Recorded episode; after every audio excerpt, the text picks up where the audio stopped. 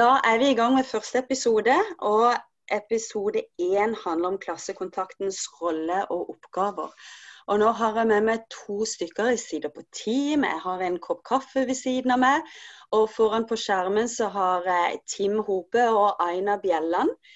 Og eh, Tim, for en del år siden så Jeg kjenner det fra lærerutdanninga faktisk på UiA. Da hadde vi noe samarbeid der. Jeg var på PED, og du var på avdeling for lærerutdanning. Mm. Men eh, hva har du gjort siden da? For det er jo noen år siden. Ja, eh, etter noen år på UiA og lærerutdanningen så eh, gikk jeg tilbake til eh, jobb i videregående skole. Og fikk en jobb på Kristiansand katedralskole Gimle, eller KKG som vi sier her. Og har vært avdelingsleder for språkfag eh, siden 2015. Trives veldig godt med det.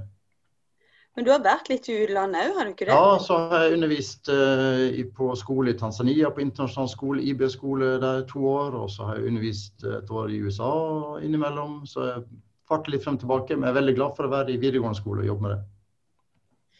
Flott. Jeg er veldig glad for at du, du kunne være med her i dag, i hvert fall.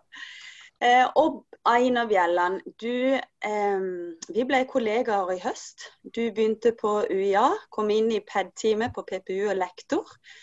Men du må si noe om hva du gjorde før, før høsten, da du kom til oss på UiA. Det kan jeg godt gjøre, Birgitte. Jeg var egentlig rektor på Vennesla ungdomsskole frem til 14.8 nå i høst. Og før det så har jeg jobba ca. 20 år i ungdomsskolen. Både som kontaktlærer og spesped-leder og faglærer. Og de siste årene som assisterende rektor, og så som rektor de aller siste årene. Så jeg har vært i ungdomsskolen hele min yrkeskarriere. Ja. Så jeg har to meget kompetente personer med meg her, og som har forutsetninger for å si noe om kontaktlærerens rolle og ansvarsområder. Og det er jo også noe av det som jeg syns er litt spennende, å se om det er noen forskjeller her fra videregående og ungdomsskole.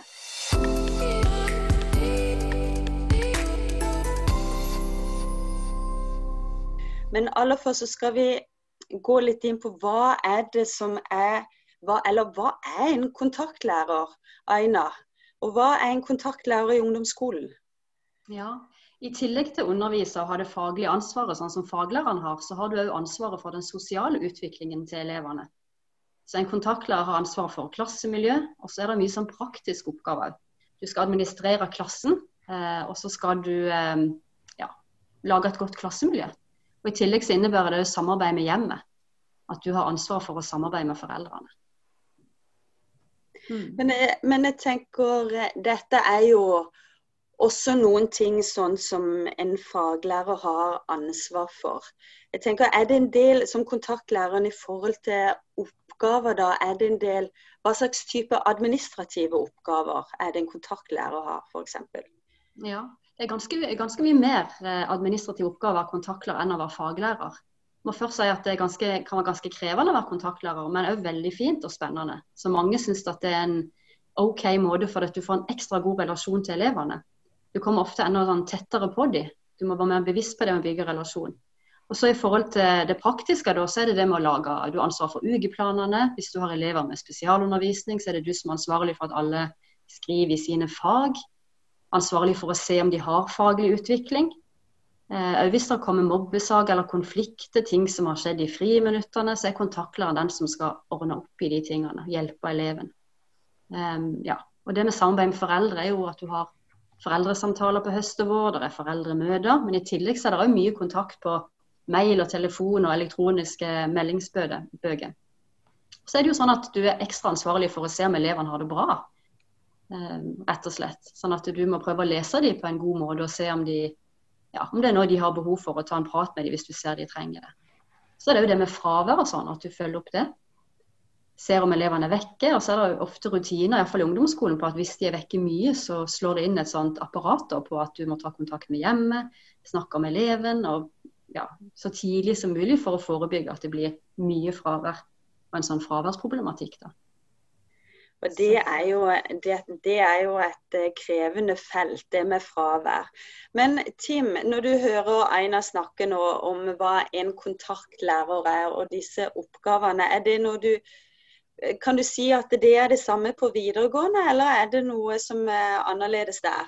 Nei, det er, det er egentlig det samme på videregående. Og så opplever vi at en del studenter eller andre som kommer fra andre som ikke kommer fra videregående skole, som kommer inn til oss, eh, litt, de har kanskje en forestilling om, om, om at på videregående skole så er det bare fag. Eh, og så blir de kanskje litt forundret, eller ja, over at faktisk en kontaktlærerrolle og også en faglærersrolle har veldig mye med ansvar for læringsmiljø og oppfølging av elever. Mer enn de kanskje hadde tenkt, som de kanskje tenkte ja, det var bare på ungdomsskolen. Og så sier de at mye av de oppgavene som en kontaktlærer har på videregående skole, er faktisk en fortsettelse av det samme som viktig arbeid som de gjør på ungdomsskolen. Så den forskjellen er kanskje ikke så stor. Kanskje noe er at på videregående skole er kanskje færre kontaktpunkt med sine elever. For timeplanen vår er jo litt annerledes enn på eh, ungdomsskolen, med at den, ja, faglig, det kan være en faglig samfunnsfag for eksempel, som bare er to timer i uka, som også er kontaktlærer sammen med en engelsklærer som er fem timer i uka, og så har det bolkundervisning, og så kan de risikere at de treffer sånn, er inne i timene bare én eller to ganger i løpet av uka. Så akkurat antall kontaktpunkt er kanskje færre i videregående skole. Jeg får Aina se hvordan timeplanen er i ungdomsskolen. men enn eh, det er videregående skole. Men oppgavene, ansvaret, er det samme, vil jeg si. Ja, mm. så Hvis du skulle ha gitt en beskrivelse, så ville den ha vært egentlig ganske lik Aina sier. Men Aina, du snakker jo om dette her, det sosiale ansvar. Og det, det sier altså det med læringsmiljø. Det har jo mm. både med det faglige og det sosiale. Og du, du, snakker, eller du sa også dette her med at de har det bra ute i friminuttene. Eh, og jeg tenker at det, det, krever jo en ganske tett oppfølging. Og det må jo være ganske vanskelig Tim, på videregående med så få kontaktpunkter. Um, er, det, er det noe som er tema, eller noe som de jobber med for å, å klare på en måte å se eleven, da? Ja, og vi har jo, nå er det sikkert litt forskjellig fra videregående skole til videregående skole. Her på KKG så har vi styrket kontaktlærerressursen på VG1. Så vi har eh, to kontaktlærere per eh, gruppe på 30. Og noen av 15 grupper på yrkesfag har vi også eh, to kontaktlærere inne nettopp for å være enda tettere på. Fordi at timeplanen gjør at i noen tilfeller så kan i verste fall kan risikere at en ikke treffer elevene hver dag. og Derfor ved å ha to kontaktlærere inne på hver, per gruppe, så dekker den mer de daglige treffene. Og så har vi styrket også kontaktlærerressursen på VG1 med en økt ressurs i samarbeid med organisasjon og sagt at her er det viktig at vi styrker spesielt VG1 for overgang fra ungdomsskole. For, for mange er elever så er overgangen fra ungdomsskole til videregående ganske stor. og Derfor er det veldig mye nytt, og vi ønsker å sette en, en god struktur, hjelpe de i gang med det treårige løpet.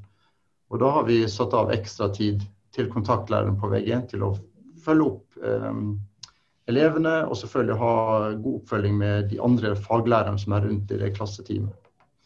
Eh, og Det har vi sett har vært et godt resultat på, og elevene gir tilbakemelding på at det er viktig. For det er mye nytt å settes inn i. både med, En ting er regler, men um, mange tilfeller så har vi ikke en sånn ukeplan eller lekseplan som de har er vant i ungdomsskolen. slik at det å få en god studieteknikk og forståelse for hvordan de skal bruke It's Learning og skolearena, disse, disse systemene for læring, det trenger elevene litt tid til. og Det er viktig, og da er kontaktlærerrollen en del, viktig del av, av det arbeidet. Og så tenker jeg når de, kommer, når de først kommer til dere, da, og så har de jo gått en del år på skole. Og det er nok litt ulik bagasje også de har med seg, elevene. Eh, det er nok ikke alle som har like gode erfaringer eh, med skole. Er det noe som eh, kommer inn under kontaktlærerens ansvar også, det å på en måte prøve å se elevene i forhold til den bagasjen de har, og prøve å følge de opp så de klarer å mestre skolehverdagen?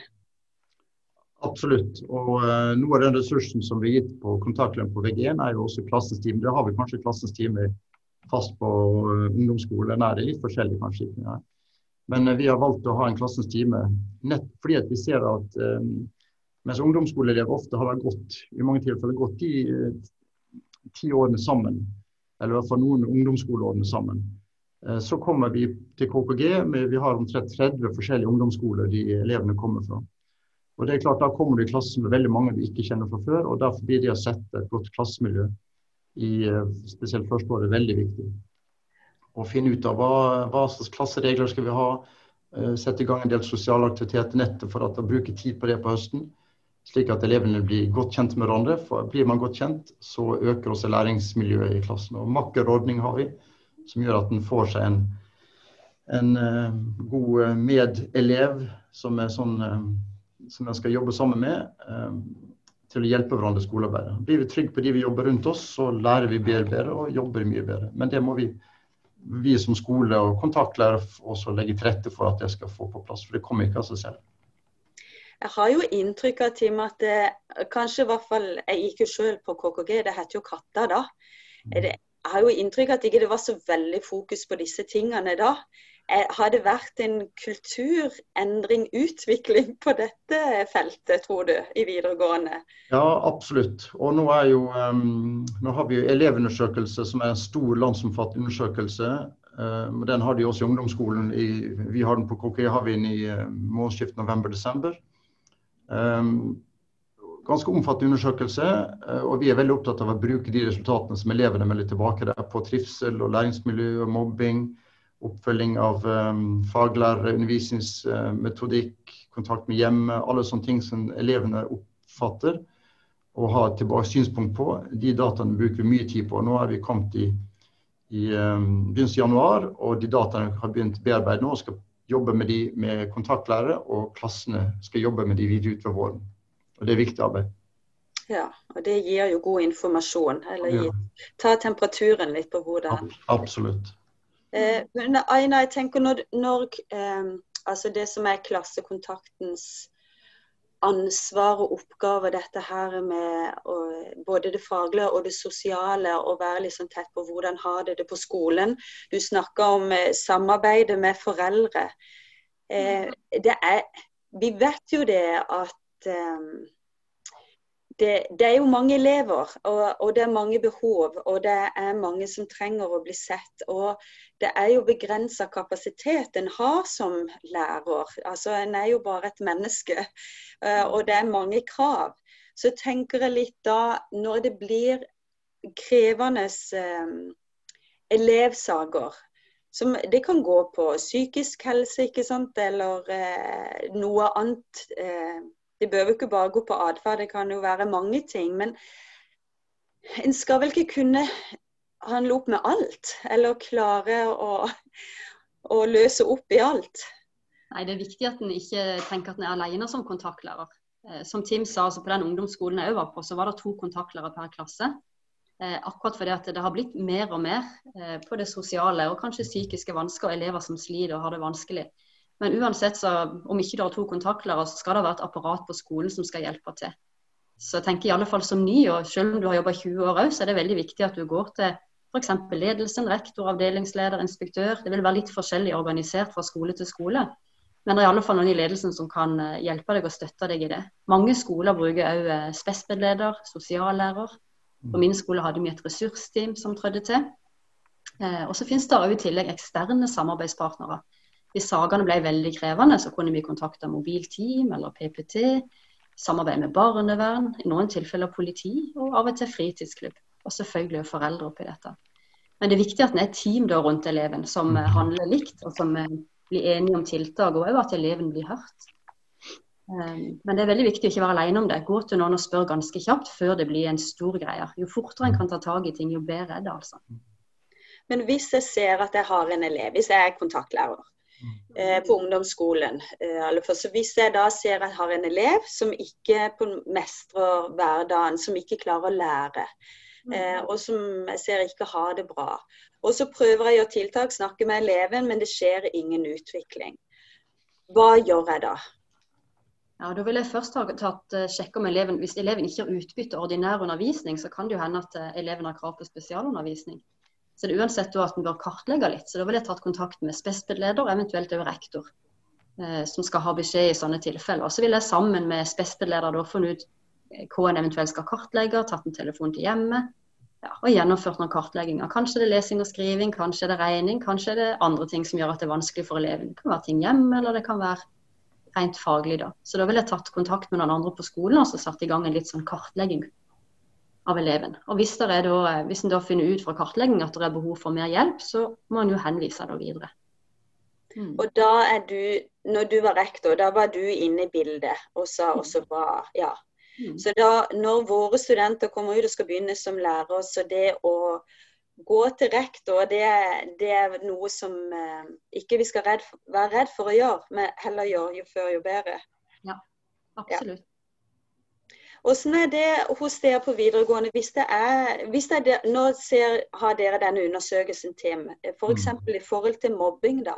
Mm. Og så oppdager jeg som kontaktlærer eh, på KKG Jeg kjenner ikke klassen min veldig godt, men jeg oppdager at det er mobbing i mm. klassen.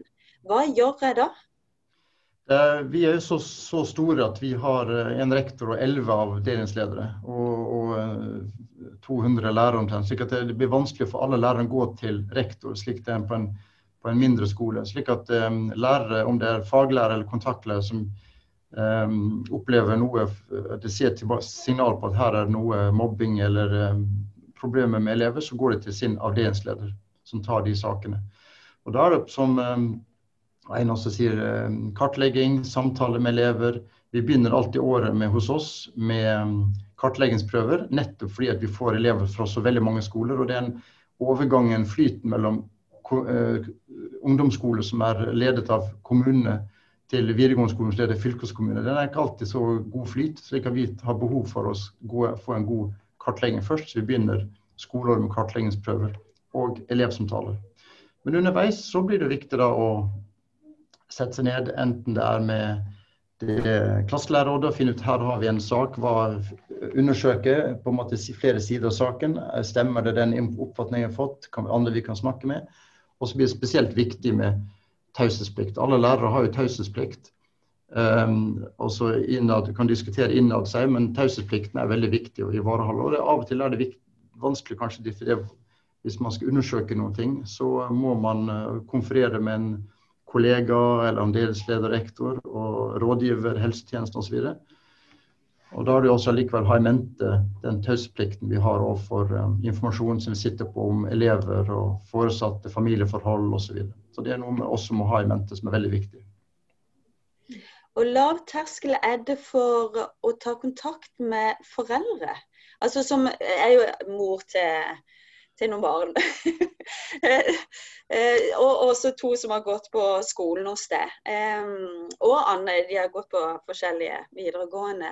Og jeg fikk jo liksom følelsen jeg hadde, eller jeg hadde nok tettere kontakt med kontaktlærer på ungdomsskole enn jeg hadde på videregående. Eh, når er det Og så er det jo dette i løpet av videregående så blir jo barna 18 år, eller ungdommen 18 år. ja. Eh, og hva skjer der altså i forhold til kontaktlærers ansvar, dette her med eh, skole-hjem-samarbeid? Bare sånn veldig kort. Ja, Skole-hjem-samarbeid er kjempeviktig. og Så er det en utfordring det når de blir 18. og Da vi jo, må vi jo konferere med elevene og få aksept fra elevene om at vi, når de er over 18 år, at vi kan ta kontakt med hjemmet. Ellers så kan vi egentlig ikke det.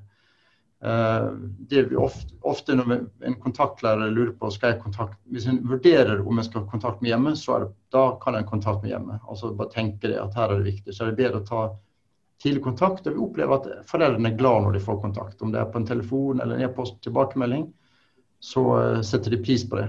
Og det tror jeg det er viktig for å skape godt um, Eh, god, ja, god, forståelse for eh, ansvarsoppgaver. Vi har et felles ansvar for de ungdommene vi har. Vi har jo de her på dagtid, og foreldrene har de resten. og Det må vi hjelpe hverandre med å få mm. godt samarbeid om.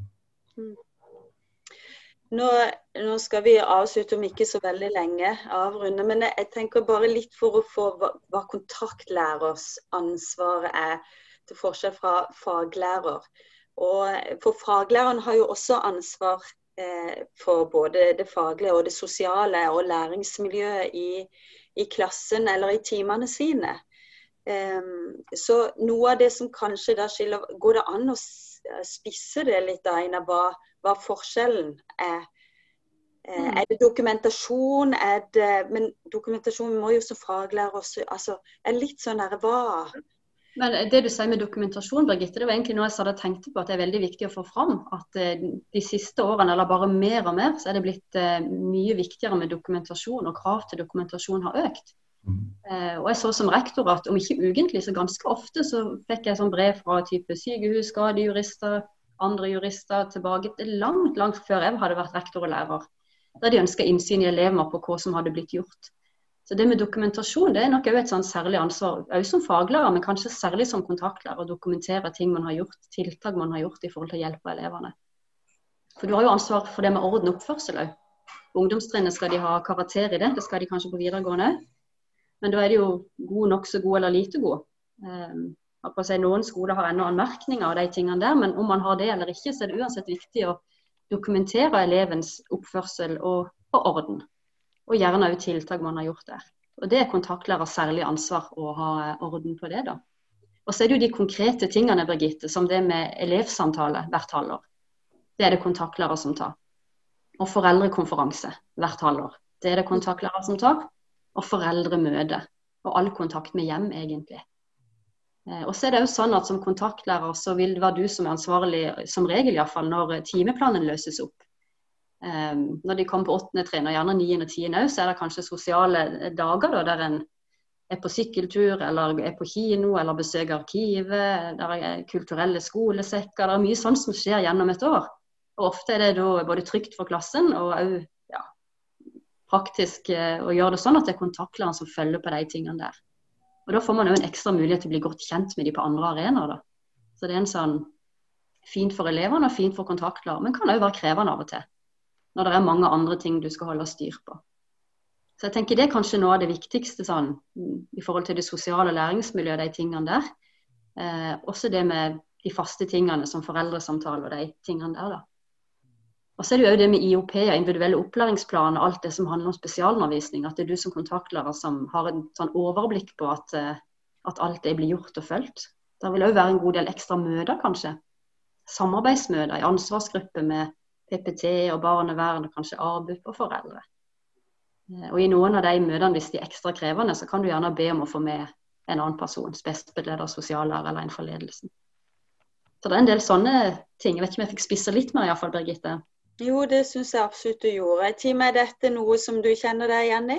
Ja, og det med selvfølgelig det å lede klasselærerrådene når du skriver referat og holde, holde, holde gangen i årshjulet for, for, klassen og klasselærerrådsarbeidet er jo viktig. Og det, når, eh, Aina, når du lister opp dette her, og det som du innledet med, Birgitte, med si på at det kunne være omfattende å være kontaktlærer, så er når vi snakker om dette nå, så hører jeg oi, ja, det er sant og det er sant. Det høres ut som det er veldig Oi, masse ting å huske på. Det er flott mange ting å huske på, men det er utrolig givende å være kontaktlærer. For det å kunne, det, det å skal være en god engelsklærer, så må en kjenne elevene, og du blir kjent med elevene når du er kontaktlærer spesielt godt. Og Da er det også lettere å drive faglig undervisning når du kjenner elevene. Så så det er det å, og Når vi får eh, lærere inn til oss eh, som skal ha kontaktlærer, så prøver vi alltid, og hvis det er nye lærere, så setter vi alltid sammen en makker med en mer erfaren kontaktlærer, slik at de kan utfylle hverandre og lære hverandre. Det er noe med nye innspill fra eh, nye, og samtidig som eldre kontaktlærere som har jobb, eller lærere som har jobbet som kontaktlærer, som har en erfaring som kan ta med seg. Um, og det sier vi at det er, veld, det er givende. De setter pris på å være kontaktlærer. Så det, det er mye jobb, men det er veldig givende.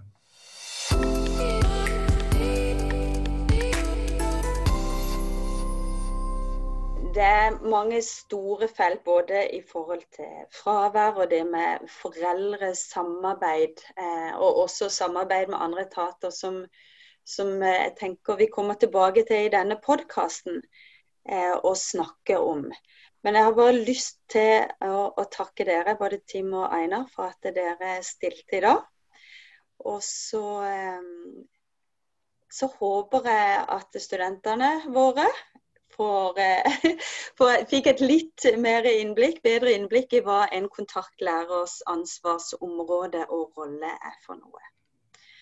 Så dere, hjertelig takk. Eh, og dermed så avslutter vi denne episoden her.